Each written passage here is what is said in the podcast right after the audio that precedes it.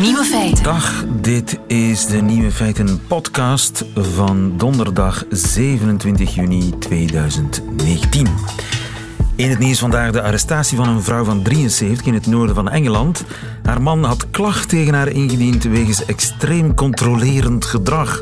Mevrouw Sanders spoorde haar 15 jaar jongere echtgenoot continu aan om meer spiermassa te kweken en om meer te poetsen. Meneer Sanders deed naar eigen zeggen de hele dag zijn best om aan de extreem hoge verwachtingen van zijn vrouw te voldoen, maar het was nooit genoeg. Vermoedelijk deed hij de aangifte zelf tegen zijn vrouw, maar dat wil of durft hij nu niet meer te bevestigen tegen de Britse pers. Hij zei wel dat zijn vrouw constant kloeg dat ze zich niet met hem in het openbaar durfde te vertonen. Ze liet ook voortdurend briefjes voor hem achter waarop stond wat hij schoon moest maken. Mevrouw Sanders moest 17 uur de cel in. Daarna werd de aanklacht alsnog ingetrokken. Extreem controlerend gedrag is al een jaar of vier officieel een misdrijf in de UK. 97% van de klachten is gericht tegen mannen. De andere nieuwe feiten vandaag. Trump wordt met gemak herkozen, denken meer en meer Amerika-kenners. 50 jaar geleden begonnen in New York de Stonewall-rellen, het begin van de homobevrijdingsbeweging. IJsland klaagt over te veel Instagram-toeristen en de Capucijnapen zitten nu in de steentijd. De nieuwe feiten van Jean Bluiten hoort u in zijn middagjournaal. Veel plezier. Nieuwe feiten. Radio 1.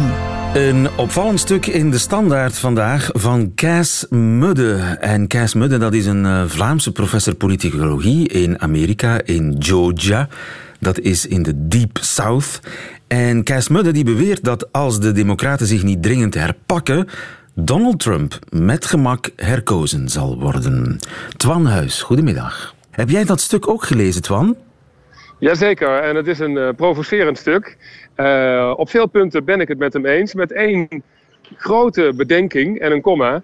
En dat is dat we nog bijna anderhalf jaar voor de verkiezingsdatum zitten. En het getuigt toch een beetje van hoogmoed om nu al te voorspellen dat Donald Trump herkozen zal worden. Want er kunnen nog zoveel dingen misgaan, ook voor Donald Trump. Ja. Maar ik, hij heeft gelijk dat het uh, democratische veld op dit moment niet heel erg sterk is. Maar dat kan ook niet anders, want ze zijn pas net begonnen om zichzelf te tonen. Ja. Dus uh, we moeten nog even afwachten hoe, ze, hoe dat zich ontwikkelt. Kees Mudde beweert ook dat Trump zijn fans bediend heeft de voorbije jaren. De rijken bijvoorbeeld, die kregen hun belastingvermindering. Zeker, nou daar heeft hij helemaal gelijk in. Uh, de mensen die investeren in Amerika, bedrijven hebben, in aandelen zitten, die hebben een meer dan voortreffelijk jaar achter de rug. En zelfs de democraten die uh, gefortuneerd zijn, die zijn het over één ding eens. Het is een afschuwelijke man, maar hij heeft ons wel nog rijker gemaakt. Dat klopt. Hij heeft een enorme belastingverlaging doorgevoerd. Heel veel regels en wetgeving afgeschaft. Waardoor het voor bedrijven makkelijker is om te ondernemen. Dus in die zin uh, zijn mensen heel erg tevreden die geld hebben. Maar ja, zoals het gaat in Amerika. Als je niet gefortuneerd bent en je hebt geen bedrijf en je hangt aan de onderkant van de samenleving, dan is je lot er niet op vooruit gegaan. Sterker nog, dan ben je er hard op achteruit gegaan. Dus de economie doet het goed, maar alleen de rijke mensen profiteren daarvan. Een ander deel van zijn fanbase zijn de conservatieve christenen. Ja. En die hebben ook iets gekregen. Die hebben absoluut gekregen wat ze hebben wilden. Ze hebben, waar het om gaat in Amerika is natuurlijk de president heeft veel macht. Maar de allerhoogste macht ligt bij de Hoge Raad. Bij, de, bij het Hoge Rechtshof, bij de negen rechters die uiteindelijk in hele belangrijke kwesties bepalen wat er gaat gebeuren. Als het bijvoorbeeld gaat over abortus. En uh, president Trump heeft het geluk gehad dat hij twee rechters heeft mogen benoemen in dat belangrijke gremium. En dat zijn conservatieve rechters geworden die uh, de conservatieve flank van de Republikeinse Partij op hun wenken gaat bedienen. En daar zijn deze mensen ontzettend blij mee. En dat Trump voor de rest een schuinsmarcheerder is. En nu zelfs uh, be beschuldigd wordt van het verkrachten van een vrouw. Het zal allemaal wel. Ze geloven het niet. Ze zijn dik tevreden over de prestaties van de president. Dat ja, klopt. Want in het Hoge Rechtshof zitten mensen die binnenkort misschien het recht op abortus gaan afschaffen. Nou, ik had nooit gedacht dat uh, de wet Roe versus Wade, want zo, zo heet die, de wet Roe versus Wade, die uh, verklaart, die legt uit dat abortus in Amerika legaal is. En ik had nooit verwacht, wat je nu ziet, dat er een aantal staten zijn die eraan beginnen te morrelen en die abortusklinieken domweg hebben afgeschaft, waardoor vrouwen, zeker die weinig geld hebben, naar andere staten moeten reizen om een abortus te laten toepassen. En dat domweg niet meer kunnen betalen om die reis te maken. Dat is, uh, ik moet zeggen, als oud-Amerika-correspondent dacht ik dat dit een, een verworven recht was. Maar dat is het dus niet. En daarin zie je duidelijk een, een kentering in Amerika en de cultuur. Ja, er is wel iets wat niet gelukt is. Hè? Wat hij wel beloofd heeft, meerdere keren, voortdurend beloofd heeft. Zijn muur, die is er niet gekomen, hè? Nee, die muur die is er niet gekomen en die komt ook nooit. En dat is een symbolisch zoethoudertje uh, waarvan ook veel republikeinse commentatoren zeggen... het is schandalig dat Trump dat nog niet geregeld heeft. Maar het is een onpraktisch ding en uh, het heeft alleen maar symbolische waarde. En zijn Kijk, fans verhaal... nemen hem dat niet kwalijk, dat die muur Jawel, er niet... zeker oh, ja. wel. Zeker. Het, het, is een belangrijk onderdeel waarvan Trump ook weet dat hij daar wel steeds over moet blijven beloven dat hij dat gaat doen. Hij liegt er ook over. Hij zegt dat er al een veel betere muur ontworpen is en dat delen daarvan al klaar zijn, wat in de verste verte niet waar is. Maar het, is, het blijft een, een pijnlijke kwestie en een lastig punt voor hem. Maar het weegt tot nu toe niet op tegen die andere zaken die wel geregeld zijn. Maar toch even een voorbeeld uit de geschiedenis.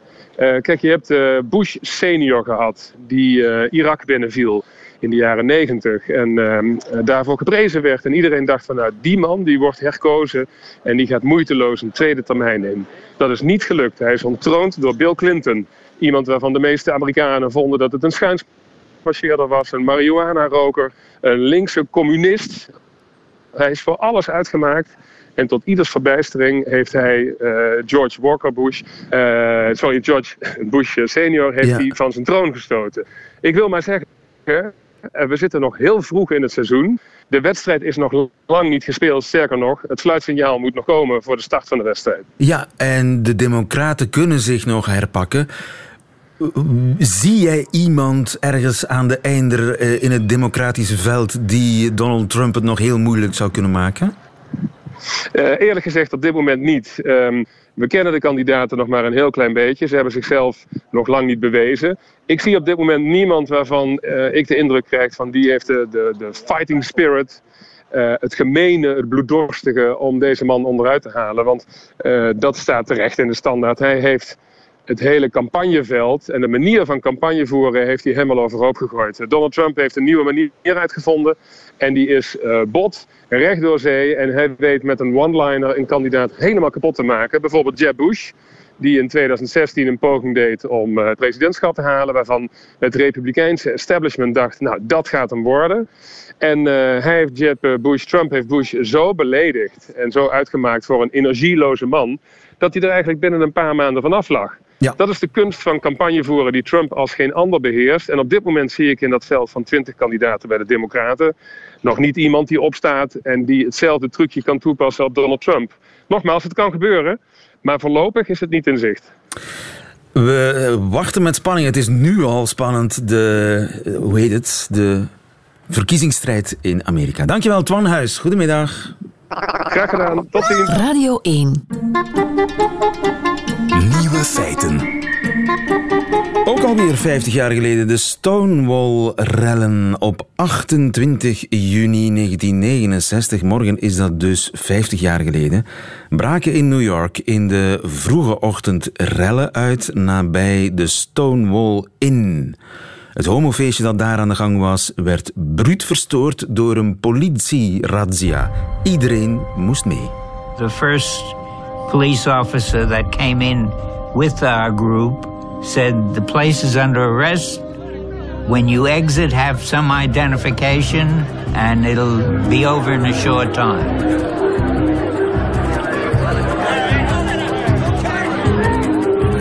This time they said, We're not going.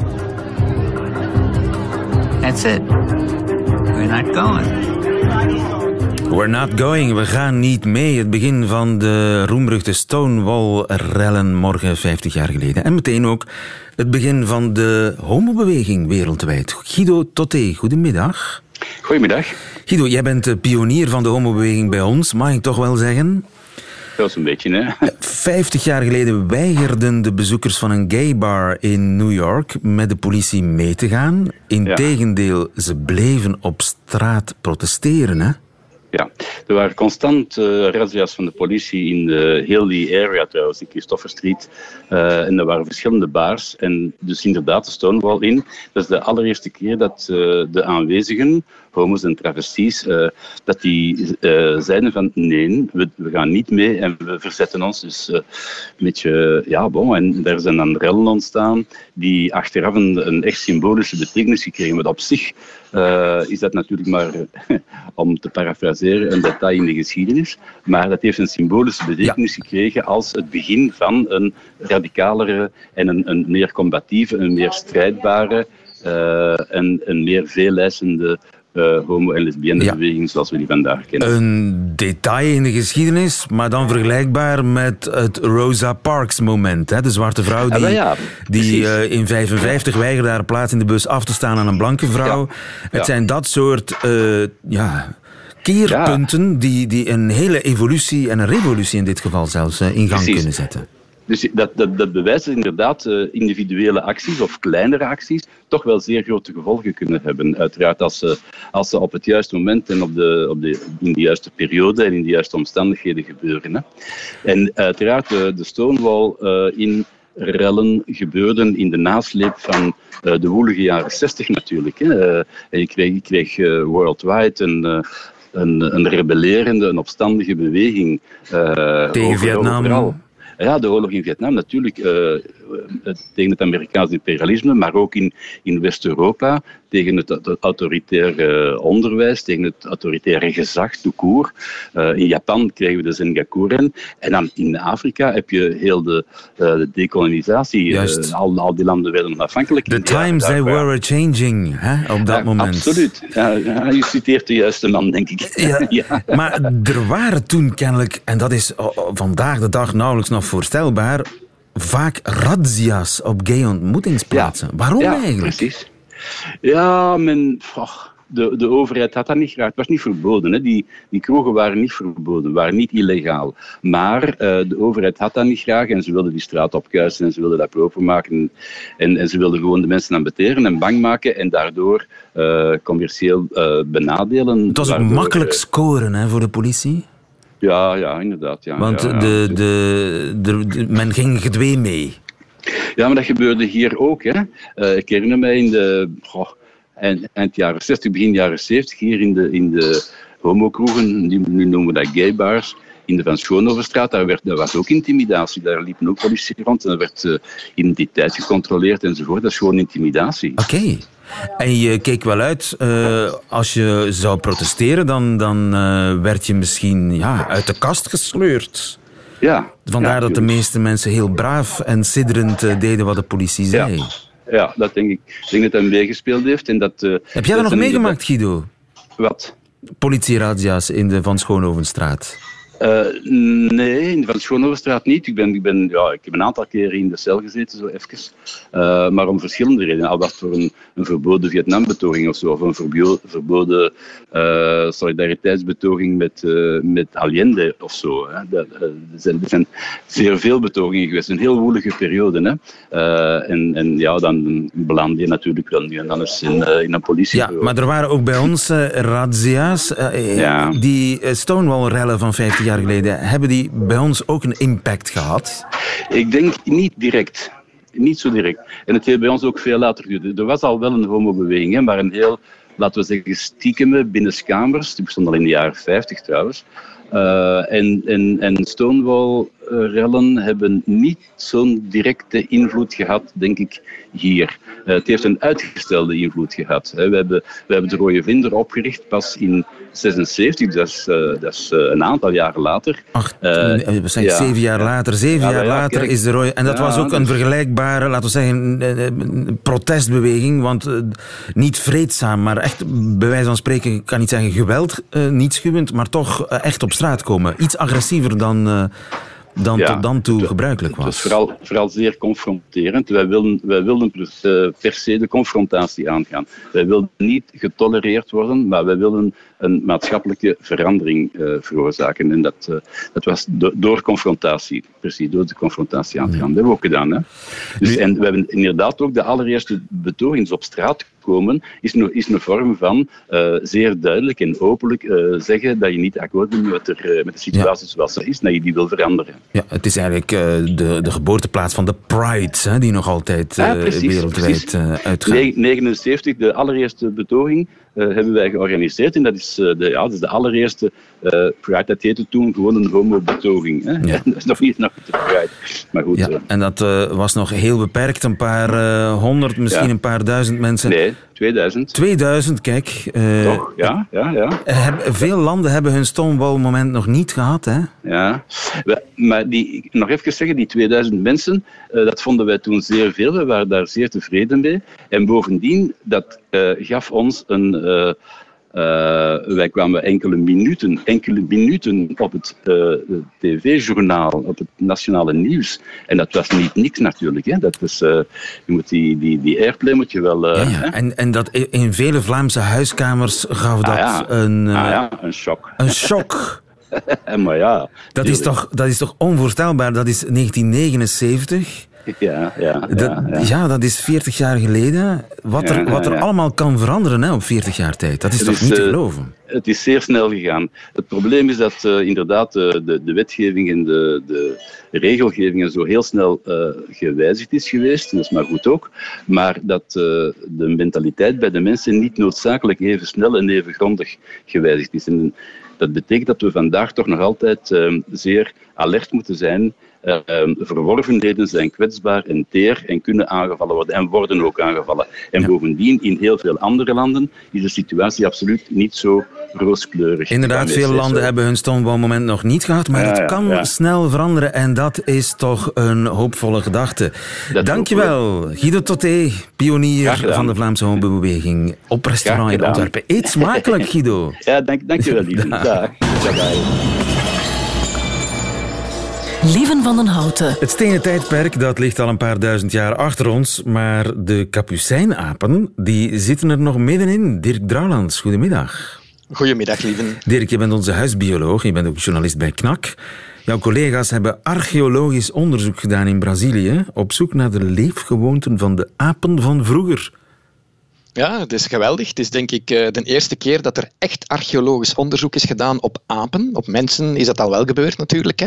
En met, met veel inzicht uh, die dat opgeleverd heeft. Maar nu is het voor de eerste keer dat ze eens uh, terug in de geschiedenis van de apen zijn gaan graven door in relatief recente geologische lagen te gaan kijken wat hebben die beestjes daarvan stenen werktuigen achtergelaten en wat kunnen we uit de analyse daarvan leren. En wat hebben ze gevonden?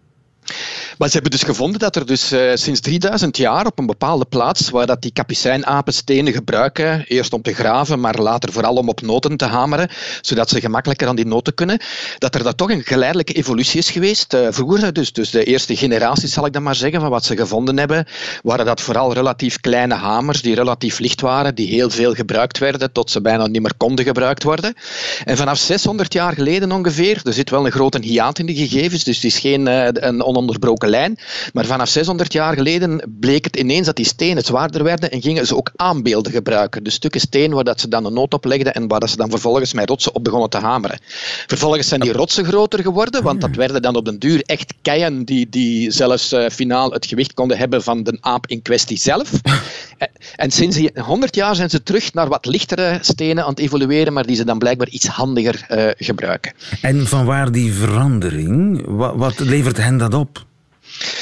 Ja, het zal waarschijnlijk efficiënter gaan allemaal. Hè. Dus het, eh, ze kunnen andere noten, ze kunnen hardere noten kraken, ze kunnen andere noten kraken, ze kunnen noten kraken zonder dat die in alle richtingen uiteenspatten. En, en dus in kleine stukjes die ze bijeen moeten, uh, moeten rapen. Dus het, het is een, een, ongetwijfeld een verbetering van wat dat wij de technologie zouden noemen. En het intrigerende daaraan is dat dat waarschijnlijk steunt, dat is een inzicht dat men ook in de mensenwereld al een tijdje aan het cultiveren is. De vroegere mensenwereld dan, wat is vandaag de dag eigenlijk nog altijd aan de de orde. Namelijk dat de grote omwentelingen in zo'n systeem eigenlijk het werk is van individuen, genieën zal ik dat maar zeggen. Hè. Dus de, de apen die tien keer slimmer zijn dan de rest. Of een Einstein-aap.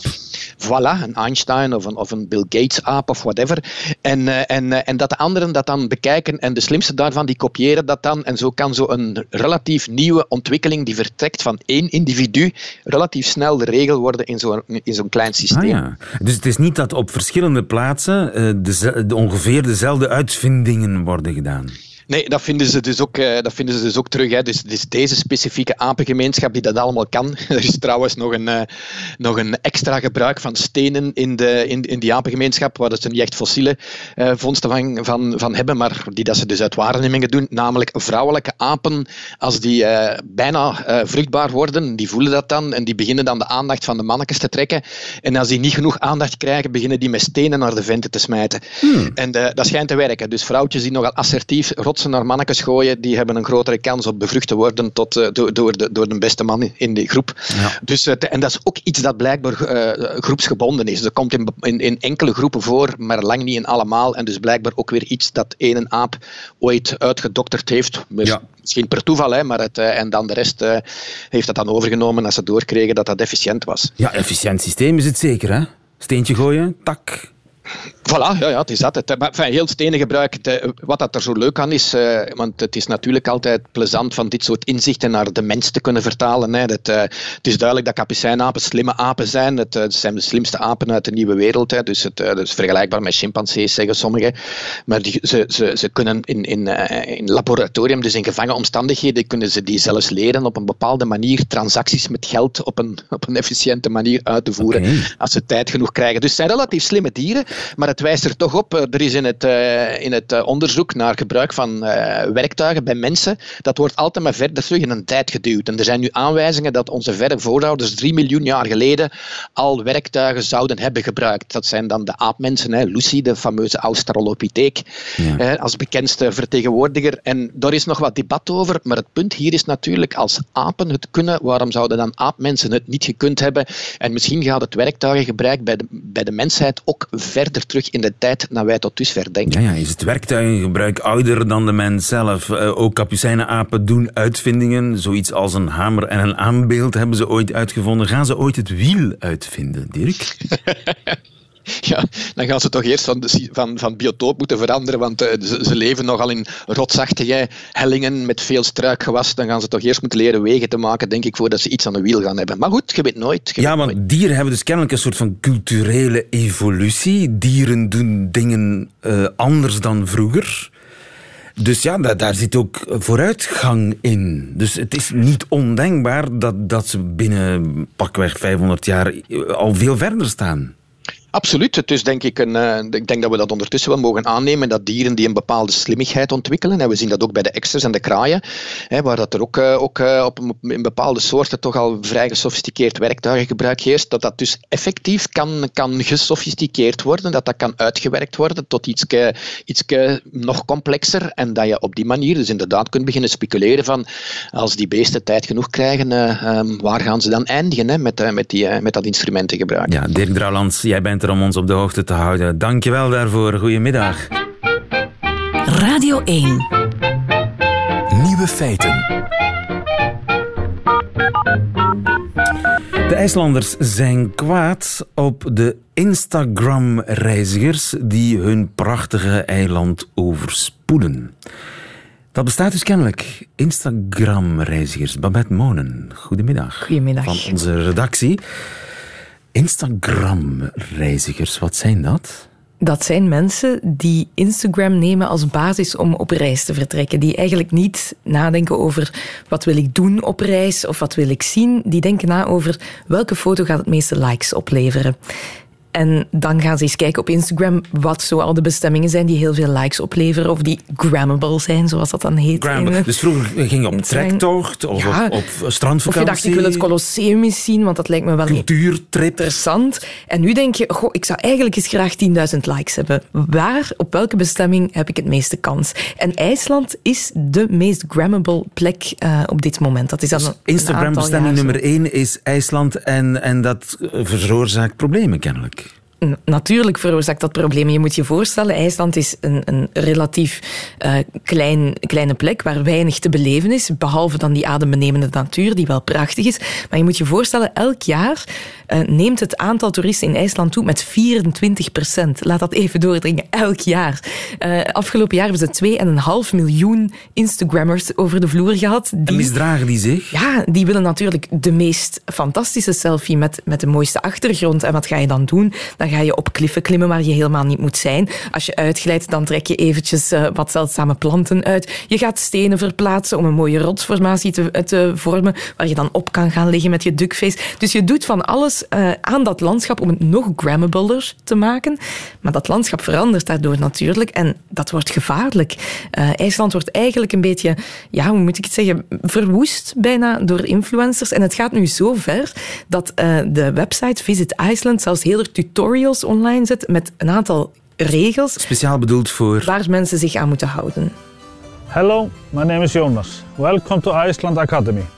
In today's class, I'm going to be showing you how to drive in Iceland. Always stay on the roads. Driving off-road can damage nature and can leave marks for decades. It's also illegal and carry fines up to 3,500 euros. You would not drive off-road, would you? Ja, tot 3500 euro boete voor wie de weg afgaat met zijn auto. Uh, zijn er dan echte Instagram-reisgidsen? Bestaat dat? Absoluut. Uh, de allereerste Instagram-reisgids is trouwens geschreven door een Belgische. Die heeft uh, Instagram voor New York geschreven. En dat is een klepper van maar liefst 224 pagina's, waarin ze dus niet zegt welke bezienswaardigheden je allemaal moet zien, maar waar je de beste Instagrammable plekjes vindt. Dus ja, Brooklyn Bridge, dat kent iedereen, maar weet jij bijvoorbeeld waar je de mooiste wafels kan gaan eten? Die je dan... Niet de lekkerste, maar de mooiste. mooiste, hè? Het gaat echt niet over smaak. Het gaat over waar eet ik de mooiste wafels, welke muren met street art zijn, zijn goed om voor te poseren, op welke plek zie ik de mooiste zonsondergang. En als je dan toch een monument wil uh, fotograferen, vanuit welke hoek doe ik dat het beste en met welke, met welke filter erover. Dus dat staat allemaal uh, in van die reisgidsjes uh, beschreven. En ook als je nu zegt van ik ben niet zo'n goede fotograaf, maar ik wil wel veel likes scoren op Instagram. Dat kan ook allemaal, want er zijn niet alleen Instagram-reisgidsen, maar er zijn ook Instagram-tours. Uh, ik uh, ga binnenkort zelf naar Rome en uh, op Airbnb krijg je dan altijd zo'n melding van als je ook nog een activiteit zoekt in, in de stad waar je naartoe gaat, dan hebben wij deze tips voor jou. En daar stond letterlijk Rome for Instagrammers. En dat is een ja, ik weet het, het is onnozel. Maar het is dus een volledig gegidste tour van 2,5 uur. Je betaalt 48 euro en dan ga je met een gids op pad. Die Inclusief fotograaf? Fotograaf is. Dus je hoeft ze niet eens zelf te maken nu? Nee, je hoeft ze niet te ah. maken. Dus die, die lopen dan met jou rond. Niet langs al die bezienswaardigheden, of misschien wel als daar een mooie foto te nemen valt, maar vooral dus langs de meest Instagrammable plekken. En ze raden aan, en ik citeer, neem vooral mee opgeladen telefoon, makkelijke stapschoenen en verschillende outfits die je wil aantrekken voor de foto. Dus je moet je nu voorstellen dat je op een vol Piazza Navona ineens staat en denkt, ik zou misschien beter staan met die jurk met die zonnebloemen. En dan poep, poep, poep, die jurk met die zonnebloemen aan. En dan pakken ze met jouw gsm een foto die jij dan uh, op de gram kan plaatsen. Ah ja, en hebben zij ook de juiste filter? Zij hebben de juiste filter en er bestaat zelfs een pakket dat je dan extra aankoopt, dat ze met een professioneel toestel uh, maken, dat ze de foto nabewerken en binnen de 48 uur sturen ze die dan naar jou, omdat ja, Instagram is in het nu natuurlijk. Je kunt niet niet over twee weken een foto van je trip van vandaag plaatsen. Maar binnen de 48 uur heb je dan in je mailbox de perfecte foto met de perfecte filters, helemaal gefotoshopt, uh, zoals, uh, om, om, om likes te scoren eigenlijk. Ja. Ik heb me nog nooit zo oud gevoeld, Babette. Nieuwe feiten. Dankjewel. Goedemiddag. Middagjournaal. Juni 2005. Precies 14 jaar geleden werd het iconische pelgrimsoord Lourdes in de Franse Pyreneeën opgeschrikt door het geronk en gebrul van drie zware motoren, bereden door een meedogenloos stel Vlaams uitschot, de bende van Wim. Drie mediageile culturo's die net de Tourmalet hadden bedwongen en nu hun sarcasme en goddeloosheid kwamen ontladen in dit anders zo vredige stadje dat leefde van een grotje, een basiliek en straatjes vol gewijde souvenirkus. En niet te vergeten de verkoop van lange wit-blauwe kaarsen. Wat zouden de drie cynische luchtvervuilers hier een pak lol trappen tussen al dat naïeve, goedgelovig volkje dat al zijn hoop in de geneeskunde had opgegeven en nu ter genezing rekende op een mirakel, hen gratis aangeboden door de maagd Maria op voorspraak van de maagd Bernadette Soubirou, die de onbevlekte dame in de 19e eeuw 18 keer had zien verschijnen in het grotje aan de rivier en er boeiende conversaties had meegepleegd die de omstaanders niet hadden kunnen horen noch zien. De drie motaars werden bij aankomst aan het zogenaamde heiligdom warmhartelijk begroet door de Vlaamse pater Mark, de coördinator en PR-man van de Nederlandstalige pelgrims. Wij mochten hem meteen Mark noemen en hij zag het duidelijk helemaal zitten om ons zijn versie van Lourdes uit de doeken te doen. Het cynisme van de drie Leatherboys smolt weg als een kaars in de dagelijkse avondprocessie. Hier was meer aan de hand dan wat ongeletterd hemelstaren. Pater Mark vertelde ons dat men het woord mirakel hier al geruime tijd achterwege liet. De grap over de nieuwe bandjes van de rolstoel was zelfs niet meer zondig. Het ganse gebeuren was nu gemoderniseerd tot een gezamenlijk stil ritueel van de hoop. De hoop op beterschap, op genezing, op moed en verlossing, zonder het af te dwingen bij de familie van de Almachtige. Kijk, daar werden de drie musketiers wel heel stil bij, en zonder enige push stonden ze, helm onder de arm, aan te schuiven bij de grot om maximaal het ritueel te beleven met de gelovigen, in respect en stilte. Zagen zij het licht? Werden zij bekeerd? Vielen ze op hun knieën vol spijt van hun vooroordelen? Nee, ze werden wel bevrijd van hun hoogmoed en hoon. Laat de mensen. Ook ik was lid van die memorabele motorbende en werd daar als bij toverslag een vurige van. Geen katholieken, zelfs geen gelovigen. Iets anders, vraag mij niet wat. Vorige maand was ik er met mijn vrouw ook niet katholiek, wel gelovig, en ze brandde er een kaars voor mijn pijnlijke schouders. Geen beterschap. Urbanus zei me eergisteren dat er veel slechte kaarsen tussen zitten. Tja.